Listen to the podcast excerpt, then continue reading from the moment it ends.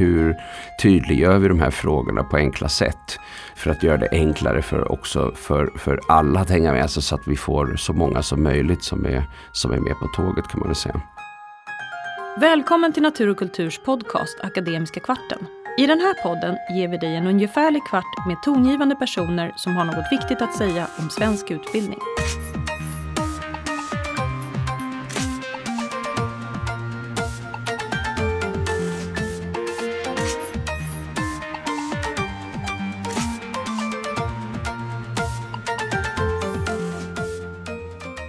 Ja, idag är vi i Stockholm och vi har en gäst här i Akademiska kvarten som heter David Edfält. Välkommen till podden David. Tack så jättemycket, tackar. Kan du berätta lite grann vem du är och vad du sysslar med? Ja, jag är psykolog och eh, har ägnat eh, hela mitt eh, yrkesverksamma liv kan man säga med att jobba med de här barn och ungdomarna och personerna faktiskt som liksom krockar med tillvaron. Alltså personer med olika typer av diagnoser och annat. Jag jobbar både som skolpsykolog och inom vården och eh, som samordnare för massa team. Eh, och nu jobbar jag privat med handledning och utbildning och eh, skriver böcker. Bland annat här då på Naturkultur. Mm. Och du arbetar utifrån förhållningssättet tydliggörande pedagogik. Eh, det är ett begrepp som är ganska väl etablerat nu mm. ute i skolorna. Men det är nog ändå några som inte känner till begreppet. Eh, så skulle du kunna förklara vad det innebär? Mm, mm. Ja, men syftet är ju egentligen att göra liksom det som händer runt eleven ja, så i relation då till skola och vardag. Alltså att det blir begripligt, hanterbart och meningsfullt kan man säga. Det är ju liksom viktiga variabler för att man liksom ska känna att man, man mår bra, att man lär sig. Och eh, blir inte tillvaron begriplig eh, och hanterbar Eh, så kommer det ju inte heller kännas särskilt meningsfullt och eh, det är ju det som händer i, i skolor för en del, att det, det här blir svårt. Och syftet med tydliggörande pedagogik är egentligen att tydliggöra eh, vad som eh, kan hända, ska hända eh, genom att eh, eh, på olika sätt eh, skapa tydliga strukturer, rutiner, visa med hjälp utav ja, bilder, färger, symboler, scheman, checklistor och annat. Eh, vad som ska hända och, och så vidare. Man, man, försöker liksom svara på de här frågorna. Eh, varför ska man göra en viss typ av sak? Vad ska hända? När? Hur? Med vem? Hur länge? Hur ofta? Hur mycket? Eh, vad ska hända sen? Alltså den typen av frågor. Och ehm, eh, egentligen så har man ju jobbat med det i, i undervisningen eh, väldigt länge och det har man ju jobbat också med liksom för, att, för att tydliggöra formen. Alltså man har jobbat med det i till exempel eh, så kan vi säga att eh, de här frågeorden. Vad, eh, alltså när skedde franska revolutionen, varför, vad var det som hände, eh, hur länge pågick det, alltså eh, vad var de viktigaste drivkrafterna och så vidare. Det har man ju alltid eh, använt sig utav och även frågan om när ska man vara i skolan och, och, och, vem är lärare och vilket klassrum ska man vara i och så vidare. Men det vi försöker göra är väl egentligen att bredda upp det till att eh, jobba med det ännu mer tydligt för att också kunna hjälpa de här eleverna som har det riktigt tufft, som, som kan ha diagnoser ibland som autism, ADHD, eh, ja, språkstörning i intellektuell funktionsnedsättning. Men där vi också på senare tid har sett eh, mer och mer att det här är inte bara någonting som är bra för dem utan faktiskt för en större grupp. Mm. Det vill säga alla elever. Just det. Och nu är du redan inne på egentligen med nästa fråga. Men jag tänker vilket sätt är det som den här pedagogiken hjälper eleverna? Vilka sätt om du eh, förklarar det? Ja, um, alltså eh, det kan handla om att Eh, Eh, förklara och förbereda inför situationer. Eh, och det kan ju vara allt möjligt. Det kan ju vara i en lektion till exempel så kan det handla om eh, vad vi ska göra idag. Varför ska vi räkna det här, det här typen av matematik? Vad är poängen med det? Och, och även ja, vi ska dela in oss i grupper. Vem ska jag vara med? Hur länge? Hur ofta? Och så vidare. Men det kan också handla om, om att eh, skapa eh, tydlighet Eh, Eh, i själva undervisningen, alltså olika moment eller vad är likheter och skillnader mellan till exempel olika Eh, ja, religioner eh, och eh, då kan man använda sig av något som man kallar vändiagram som kan tydliggöra. Så det finns massa olika eh, sätt att visa eh, och att eh, exemplifiera och att tydliggöra i vardagen. Och egentligen är det inte konstigare. I, i, i vårt samhälle har vi ju en massa situationer när vi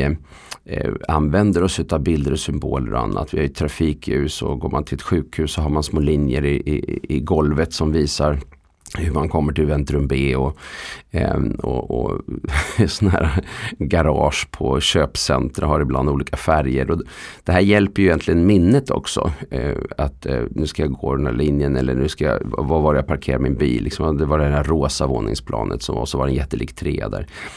Och här är det egentligen väldigt mycket kreativitet inblandat egentligen också tänker jag. Alltså hur, hur tydliggör vi de här frågorna på enkla sätt?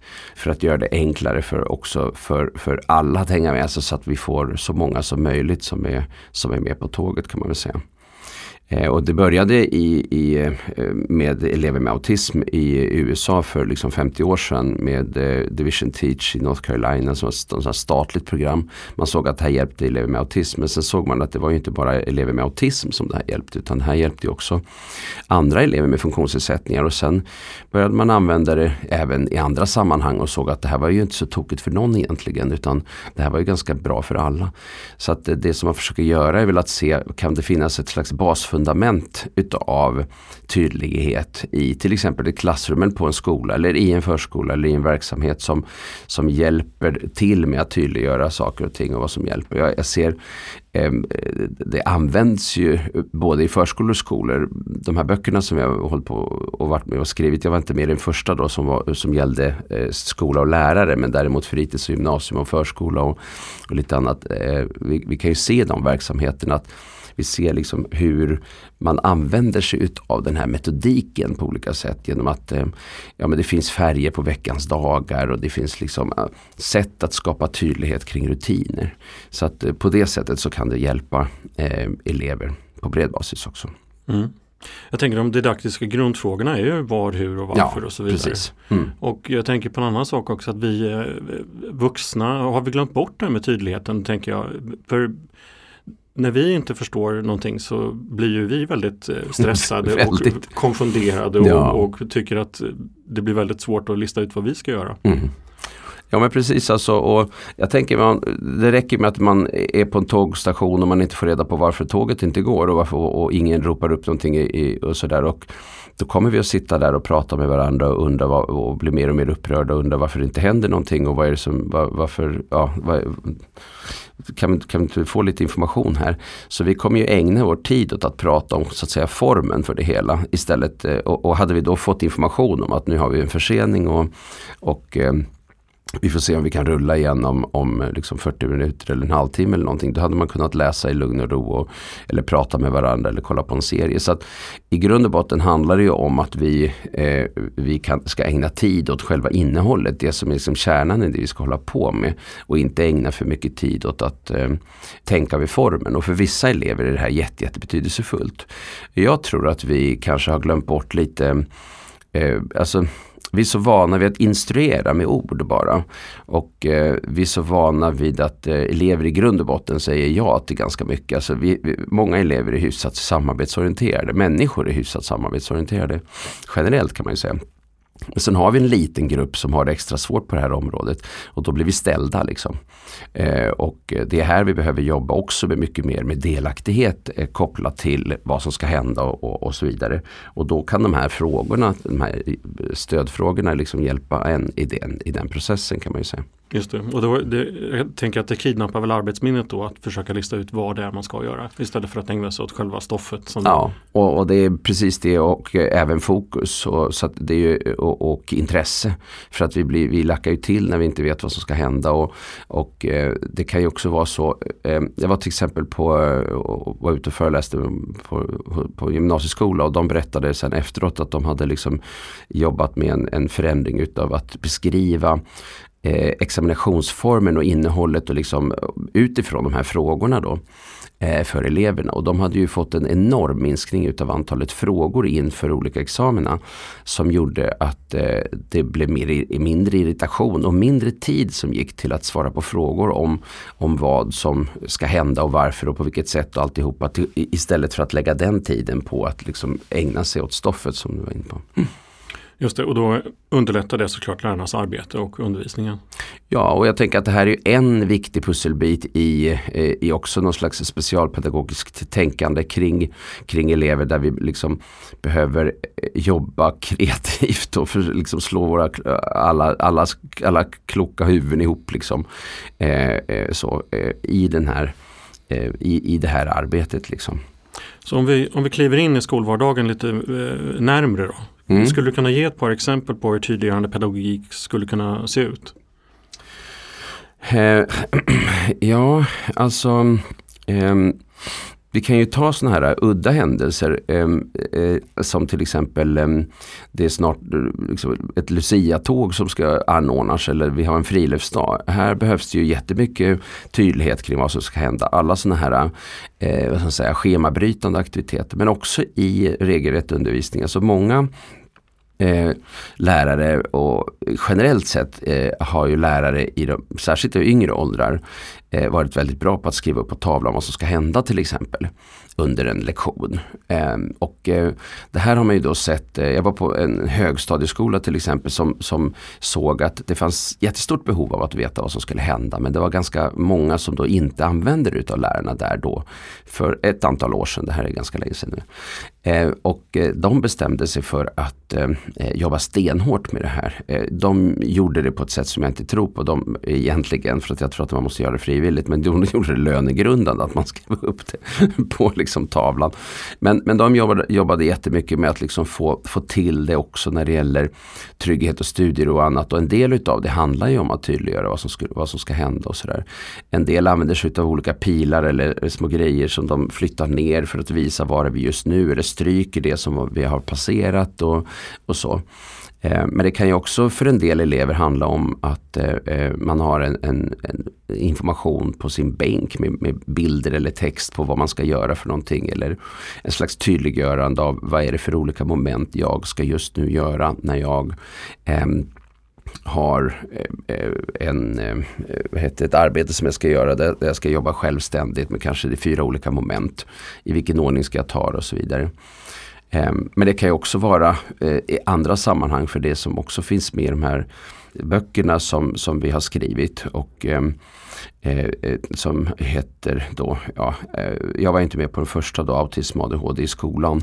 Eh, eh, som eh, Kajsa Jan, Anna Sjölund och Malin Reuterswärd skrev tillsammans med Ann Lindgren. Eh, men i de andra böckerna då som jag varit involverad i, där, där vi, vi, tar fram också massa olika strategier som man kan använda sig utav för att samtala tillsammans med elever och eh, att eh, kunna eh, tydliggöra det eh, bättre genom eh, ja, ritprat och, och eh, seriesamtal och sociala berättelser och andra former som man har sett är väldigt betydelsefulla för de här eleverna som har stora svårigheter. De kan ju också användas på klassrumsnivå eh, också och, och även med förstås med elever som inte har några funktionsnedsättningar alls. Eh, man kan använda skalor och andra grejer. Så det finns, och även sådana typer av strategier eh, beskrivs ju här. Så att eh, det kan ju också vara en del utav så att säga, verktygslådan för lärare. Att i en konfliktsituation sätta sig med en elev och till exempel ritprata lite grann. Alltså man, enkla teckningar med, med runda streck och med, runda ringar och raka streck eh, och pratbubblor. Liksom, vad hände ute på skolgården egentligen och så. Så att det kan vara ganska många olika typer utav, utav saker. Jag vet också eh, en idrottslärare till exempel som eh, aldrig haft någon whiteboard inne i idrottssalen bestämde sig för att ja, men jag tar in en whiteboard eh, och på den så skriver jag både vad som ska hända men också att jag kan förklara saker och ting precis som vilken eh, coach i ett idrottslag som helst ofta använder sig av whiteboards för att beskriva hur spelarna ska springa eller, eller göra eller sådär för att kunna förtydliga.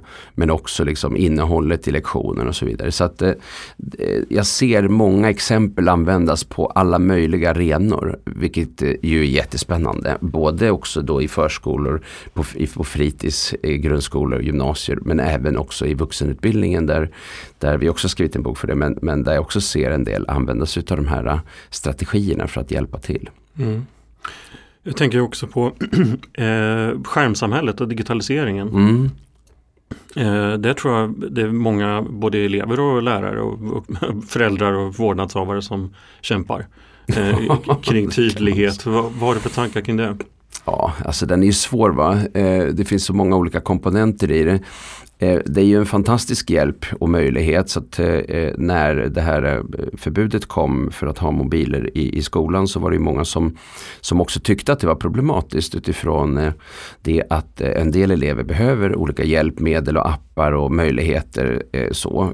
Nu är inte det liksom borttaget att det går att använda det men, men Eh, eh, så att det är ju en väldig hjälp för många. Eh, så, med inspelningsfunktioner och allt möjligt som finns där. Så att så det är ju en, en, en, en knepighet där. Och man kan det finns time timers och andra sådana här tidshjälpmedel i de där som också kan vara väldigt effektiva och bra. Som man faktiskt måste lära sig att hantera. Där eh, har ju skolan hamnat i en situation där man inte kan hjälpa eleven kanske alltid på samma sätt då att använda sig av de hjälpmedlen. Men sen har vi ju hela den här frågan om, om hur mycket tid vi använder och alltihopa. Och, eh, vuxna tycker ibland, är ju oroade över sina ungdomar då för förstås, eh, eller barn som, som sitter för mycket. Och det är klart att, att det går att tydliggöra sånt men det är ju en, en stor fråga och en annan fråga också som handlar om, om att skapa strukturer i, i tillvaron och tydlighet. Och, och jag ser att det är många föräldrar som kämpar med det också. Eh, att försöka hitta formerna för det. Men eh, det, det, är inte så himla lätt.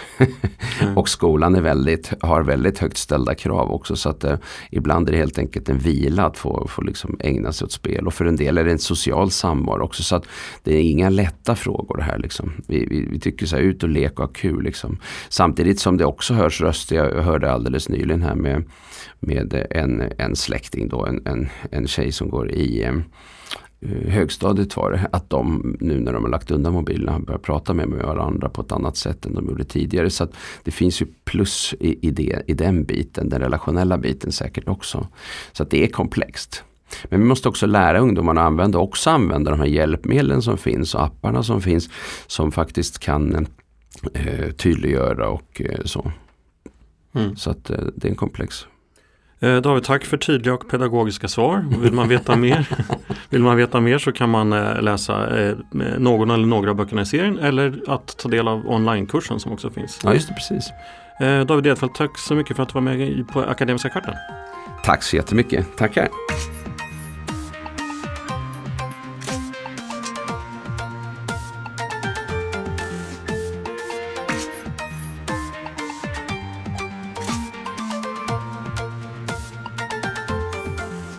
Varje gång du väljer förlaget Natur och kultur är du med och bidrar till något större. Vi är en oberoende stiftelse som ska göra skillnad i samhället. Förutom att inspirera till läsande och lärande stärker vi röster i det demokratiska samtalet genom priser, stipendier och stöd. Vi ger ordet till fler.